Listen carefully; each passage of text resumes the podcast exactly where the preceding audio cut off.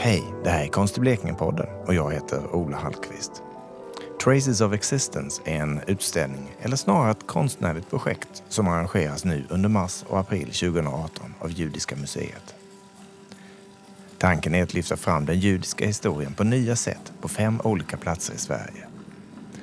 En av dessa är Karlskrona. Och så här beskrivs staden på projektets hemsida. Karlskrona är ett fullkomligt myller av judiskt kulturarv. Det är platsens mångbottnade historia och spåren av den judiska familjen Filip genom det svenska skårsamhället som genomlyser historien. Judereglementet som reglerade judars liv och leverne i Sverige under en lång tid och dess snåriga bestämmelser är berättelsens nav. Sju konstnärer bjöds in att medverka och en av dem är Ulrika Sparre, konstnär från Stockholm. Hon fick eh, uppdraget att spegla och tolka den judiska historien i Karlskrona. Och hon valde att göra det genom den unge segelduksmakaren Fabian Filip som blev den första juden att bo och verka i staden.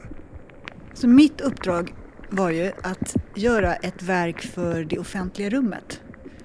Så det var så det började. Så att jag åkte hit, jag var här i augusti förra året första gången och sen så tog jag fasta på olika saker i historien att Fabian Philips fick ju vara här därför att han gjorde segelduk åt flottan. Så tänkte jag, oh, jag ska göra någonting med segelduk. Så jag höll på med olika spår och sen ville jag jobba med rep och det var många olika saker. Men genom det här samarbetet så har vi tagit... Jag heter Susanne Ström och jag jobbar på Blekinge museum som informationsansvarig. Traces of Existence, vad har det med Blekinge museum att göra? Det har mycket med Blekinge museum att göra eftersom eh, vår uppgift är ju att lyfta fram den eh, blekingska historien. Nu så kom Judiska museet och knackade oss lite på axeln med det här projektet och sa hallå, eh, hur eh, ser vi den judiska historien på Blekinge museum? Det här att göra en utställning som inte, ut, som inte är en utställning utan som är någonting annat. Berätta, vad är det? Vi kommer att ha eh, flera program som eh, belyser den judiska historien utifrån bland annat ny forskning som eh, Harry Ersson Svensson har lagt fram i sin avhandling.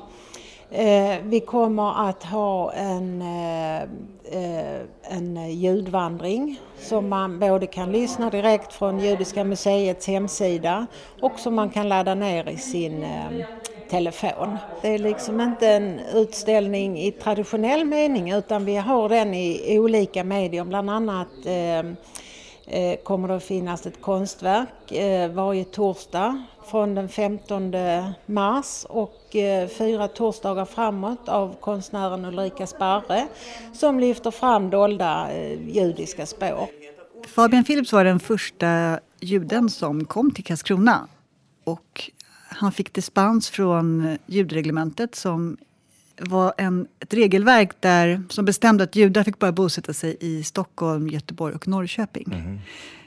Men han Anledningen till att han fick dispens var för att han gjorde segelduk åt flottan. Mm. Och det här var ju... Vi var ju i krig. Sverige var ju i krig hela tiden. Så att vi hade ju stort behov av det här tyget. Så. Mm.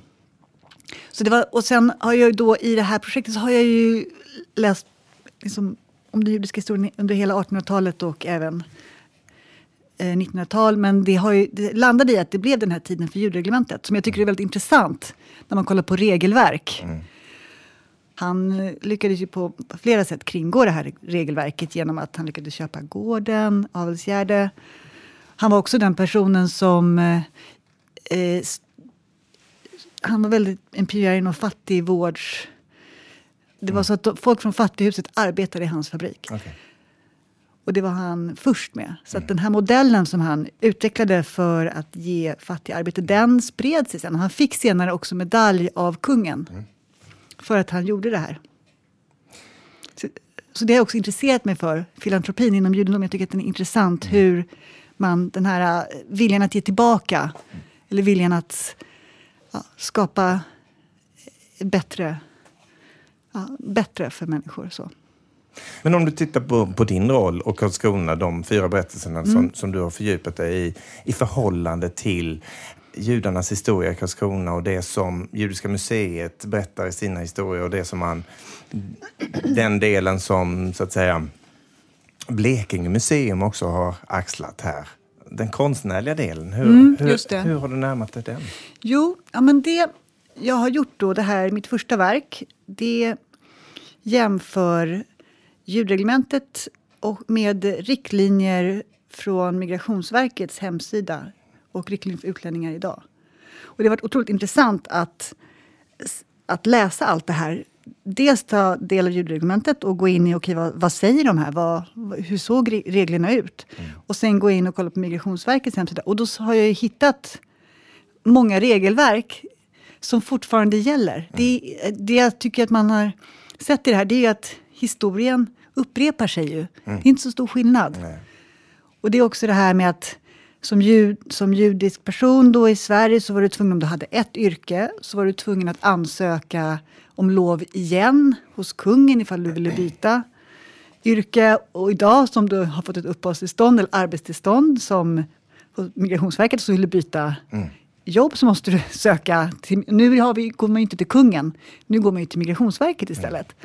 Så jag tycker också det är, det är jättespännande den här äh, förvandlingen eller tid, och att också någonstans att tiden inte förändras. Nej, vad säger det om, om oss människor? Det är 250 år sedan knappt eh, som vi pratar om i tiden. Vad säger det om oss människor? Jag tänker att också i de här eh, ljudspåren som Judiska museet utvecklat, de har ju inte jag varit med och gjort. Då pratar man bland annat om Fabian Filip och att han flera gånger ansökte om medborgarskap. Han, eh, borgarna var ju sura på honom. Liksom. De, de såg ju honom som, som en konkurrent. Och där finns det ju jättestora likheter med idag hur vi ser på folk av andra nationaliteter, invandrare som kommer hit och de snor våra jobb. Alltså den typen av mentalitet. Det har inte förändrats. Och det är lite det jag vill lyfta upp. Jag tycker för mig har det varit väldigt viktigt att, att tänka på en gestaltning av historien på ett nytt sätt. Alltså, ljud, att bara, det, är, det, det är en museal eh, utmaning att inte bara hänga upp en, ett gammalt objekt. Liksom. Så att för mig har det här har varit mitt sätt att ta det här ljudreglementet och lägga in det i samtiden och tänka så här, okej, vad, hur ser det ut idag? Liksom, vad är ljudreglementet idag? Så det har varit väldigt spännande även för mig.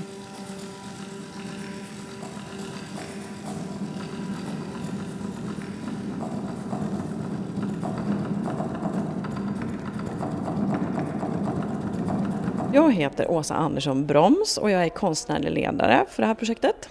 Det här med att koppla konst till historien om judarnas historia i Karlskrona. Varför tar man ett sånt grepp?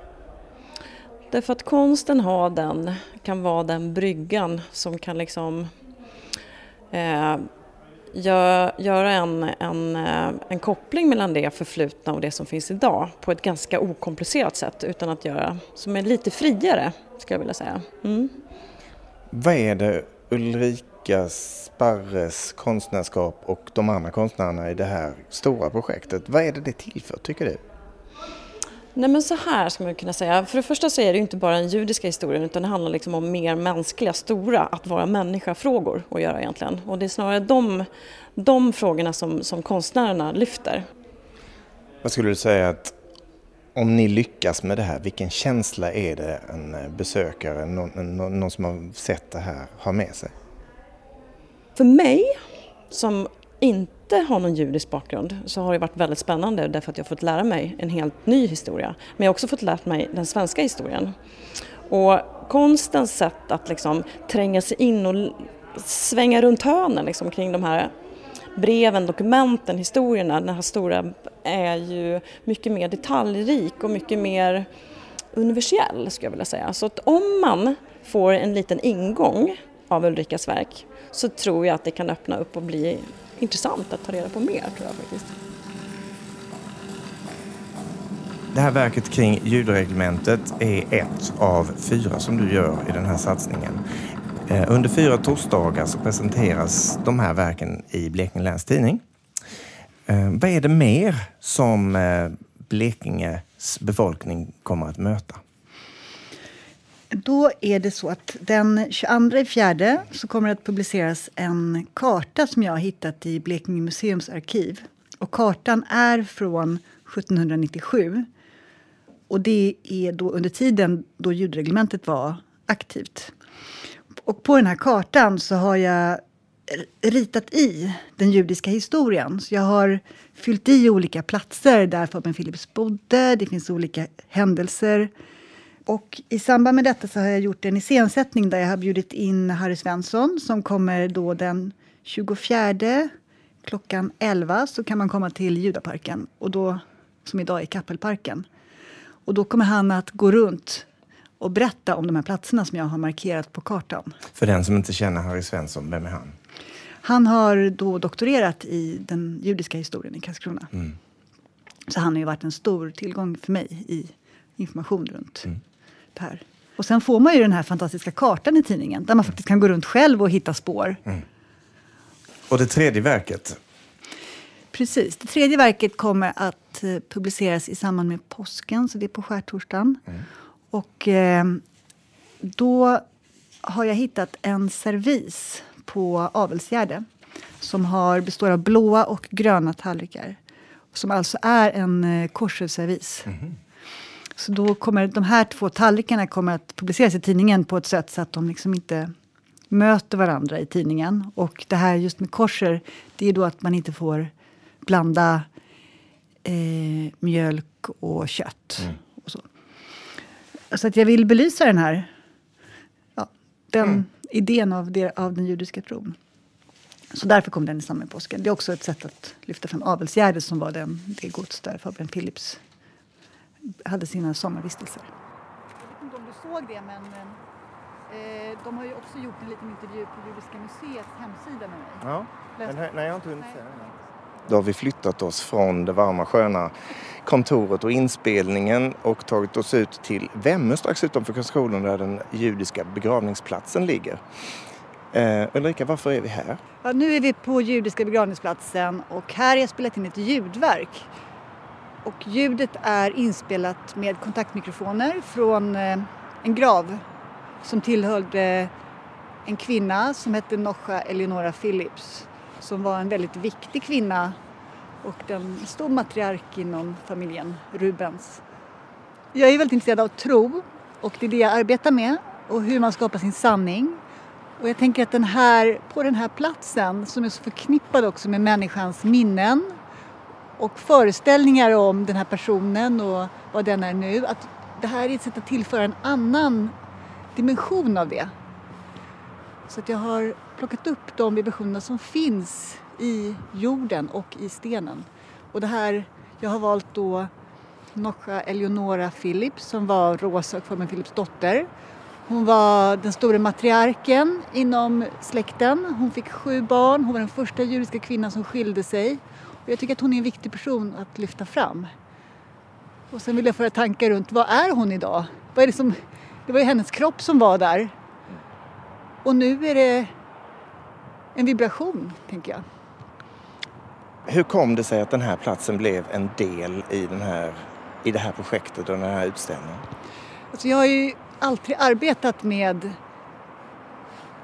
döden, ska jag säga det. Så jag tycker att den här platsen är viktig, den är central. Jag är också väldigt intresserad av sten. Ser, gravstenen är ju det, vårt sista, ehm, det sista spår vi lämnar efter oss som människor fast vi är döda. Så någonstans, och också i den judiska traditionen är ju stenen viktig. Man tar med sig en sten och man lägger på gravstenen. Vi, inom eh, svenska liksom, kristna så tar vi med oss blommor. Men jag tycker det är fint med den här stenen att man, det är det material vi kan föreställa oss som faktiskt överlever oss. Vi kan inte tänka oss något annat material. Jag är väldigt intresserad av sten och lyssnat mycket på sten så jag tyckte att för mig var det självklart att det skulle vara en plats som jag skulle undersöka i det här.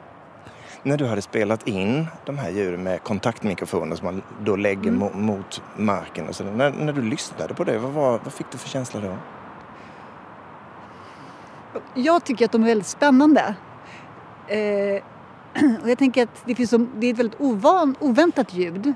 Och det är ju knaster, det, är liksom, det var fuktigt den dagen, det var liksom mycket som hände i jorden. För vissa dagar kan det vara väldigt tyst, så det är också olika beroende på förutsättningarna. Värme påverkar och ja, sådana saker.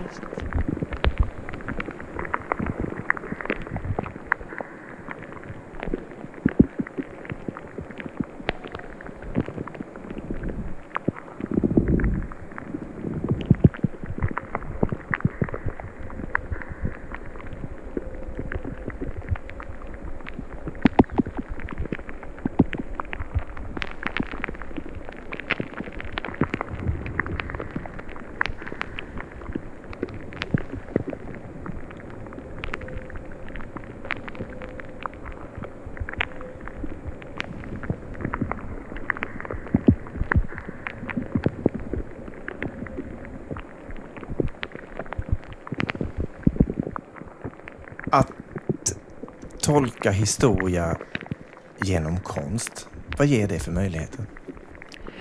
Jag tänker att det ger en möjlighet att lyfta upp en historisk händelse och sätta den i en ny kontext. Och också att göra nya tolkningar av någonting. Kanske mm. tillföra dimensioner av, en, av en historiebeskrivning. Den, jag menar, historien förändras hela tiden. Och att också, jag tänker att vissa av de här, som det här ljudverket, det, de där ljuden fanns ju redan då. Alltså någonstans ett sätt att stoppa in någonting i samtiden och försöka iscensätta historien idag fast med nya, med, med samtida ögon. Tal... Sen, sen, tänker jag också att konsten är ju fri. Det finns ju... Jag behöver ju inte göra det korrekt jag kan göra det utifrån min konstnärliga min ambition. Så. Det är jag intresserad av. Det är en enorm frihet i det. På vilka sätt talar konsten med, till andra sinnen än med ett annat språk? skulle du säga?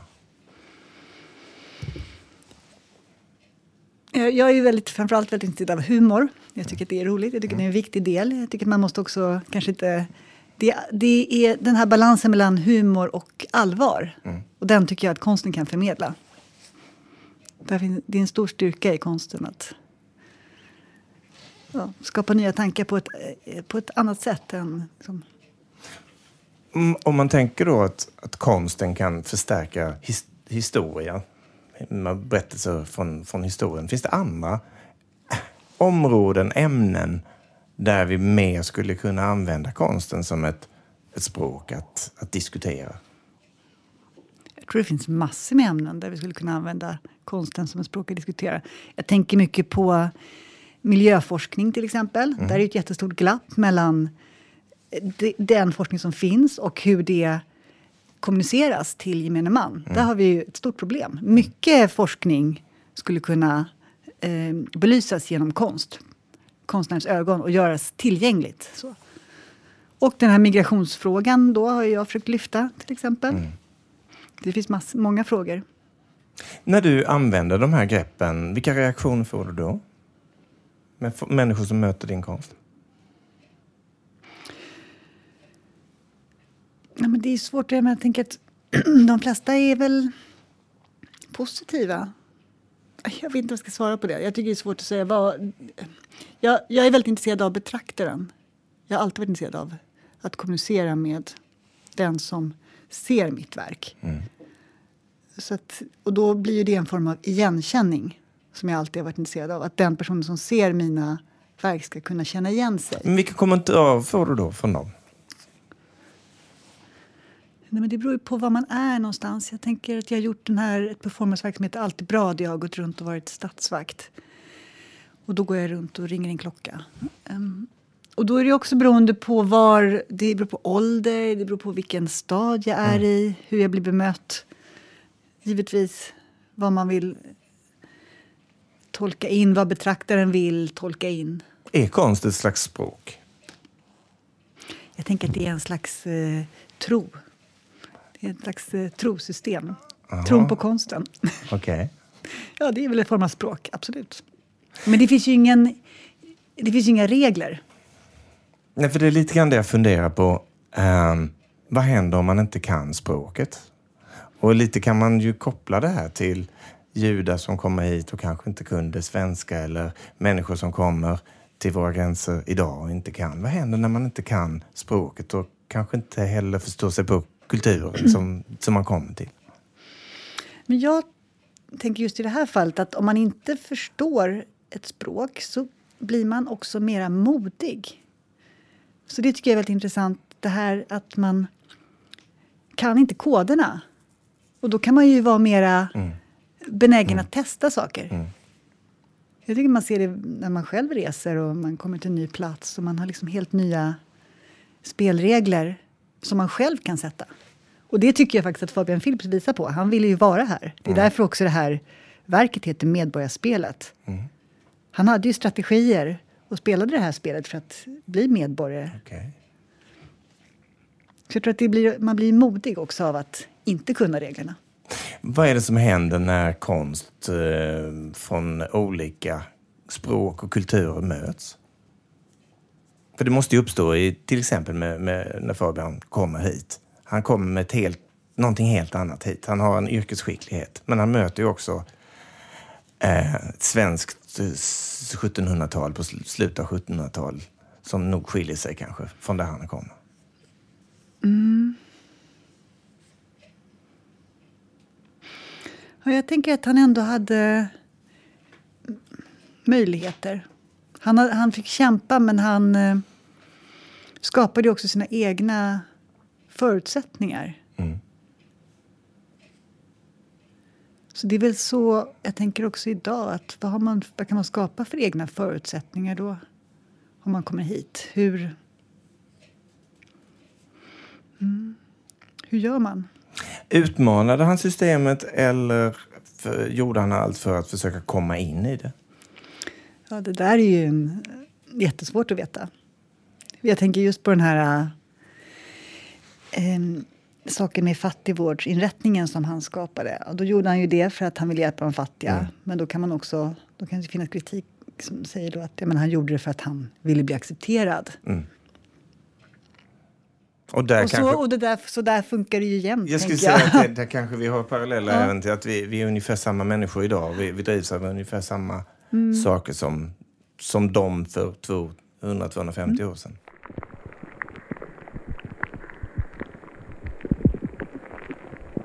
Vem är Ulrika Sparre som konstnär?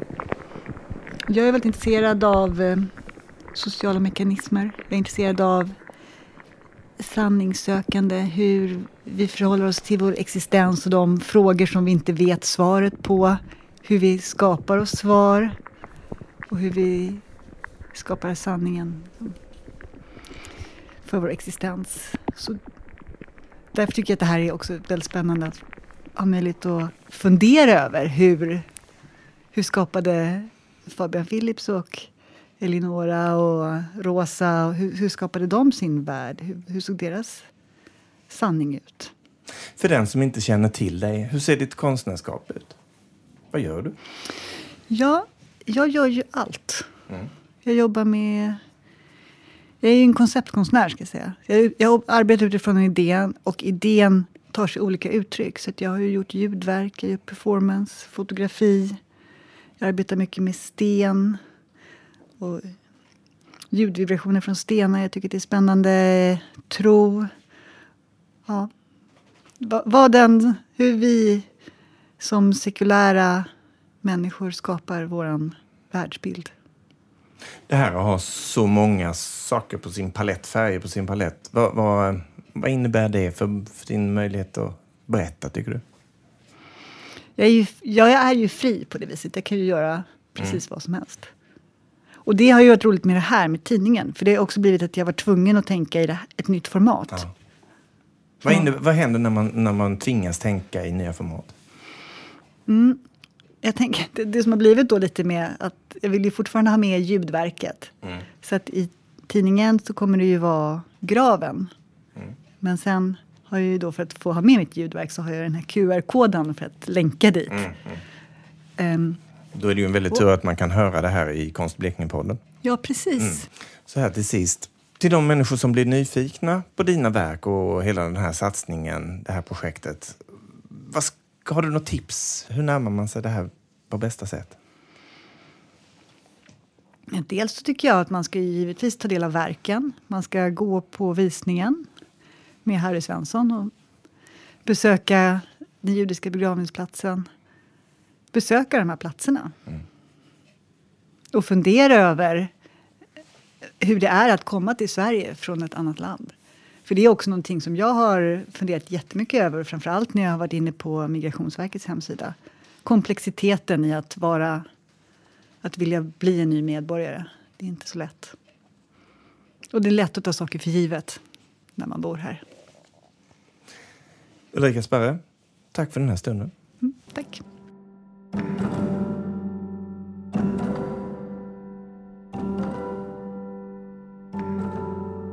Konst i Blekinge-podden är slut för idag.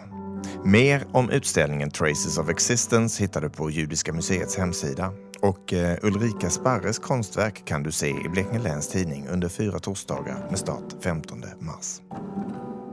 Fler poddavsnitt hittar du på konstiblekinge.se. Hej!